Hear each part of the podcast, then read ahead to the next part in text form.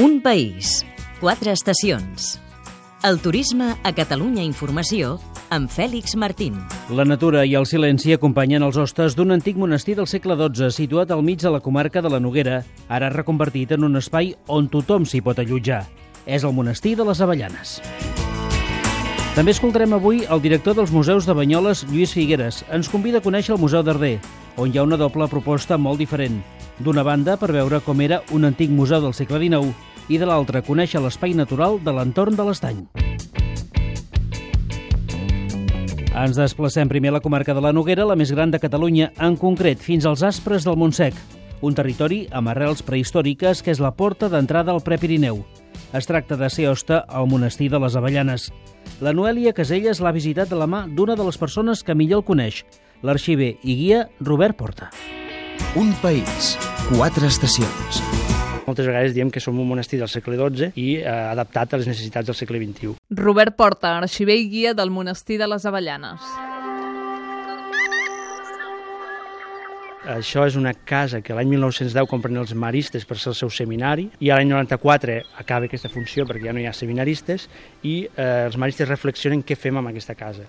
El que fan és obrir-la al públic, fan un monestir de portes obertes i els serveis que fan els agafen una mica simbòlicament dels monestirs antics i els posen a l'actualitat. Pujant per la carretera entre Balaguer i Àger, en plena Noguera i amb un entorn privilegiat, el primer que ens crida l'atenció del monestir de les Avellanes són dues coses, el campanar i un edifici de pedra rosa que ens expliquen que és autòctona.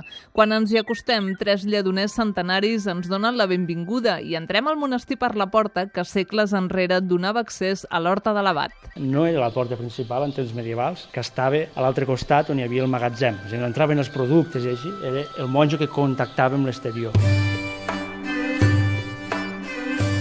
Un cop a dins ens rep un claustre auster, en sintonia amb l'època en què el van fer, i si ens fixem en un dels capitells hi veiem un parell d'estrelles de David, símbol jueu, enmig d'un espai cristià. Estem a l'edat mitjana i convivien cristians, musulmans i jueus. Potser algun picapedrer doncs, va fer aquest capitell i era de regió jueva, a pesar que tenien prohibit eh, esculpir símbols, però potser li va col·locar, no? Aquesta és una de les històries però d'històries del monestir de les Avellanes n'hi ha moltíssimes més i trobem una escala que visualment porta fins al cel, al costat d'un cementiri convertit en un museu minimalista a l'aire lliure on s'enterren tots els maristes de Catalunya.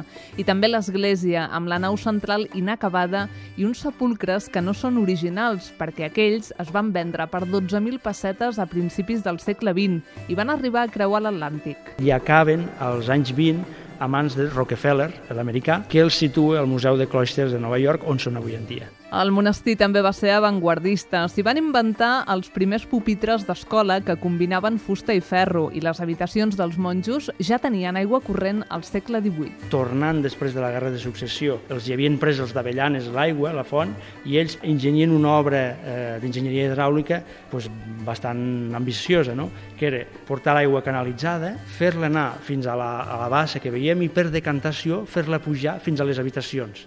I per aquest motiu es desfan de la font del claustre, que hi era, i la posen dintre del menjador.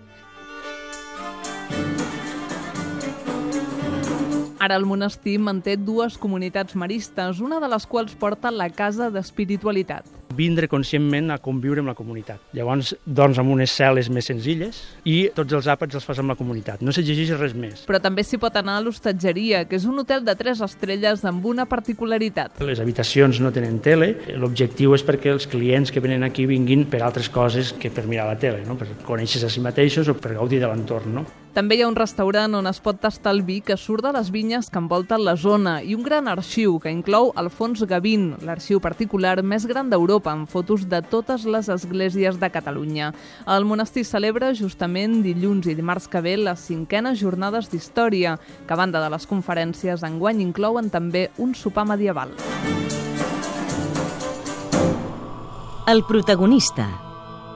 Soc Lluís Figueres, director dels Museus de Banyoles, Uh, I bé, dir-vos que els museus de Banyoles tenen una oferta molt àmplia i variada, començant pel Museu d'Arder, o sigui, combinen molt el que és la visita natura i la visita història.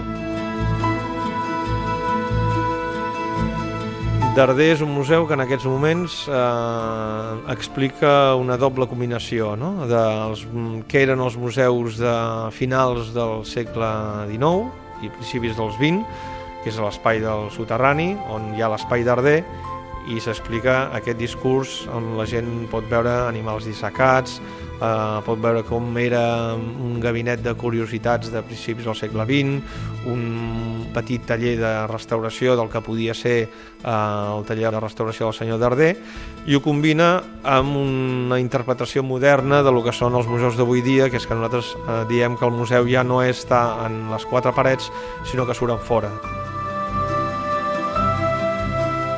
Per saber horaris de visita i l'oferta del museu es pot consultar al web les 3 dobles museusdebanyoles.cat. Un país, quatre estacions. Un programa realitzat des dels centres territorials de Catalunya Informació.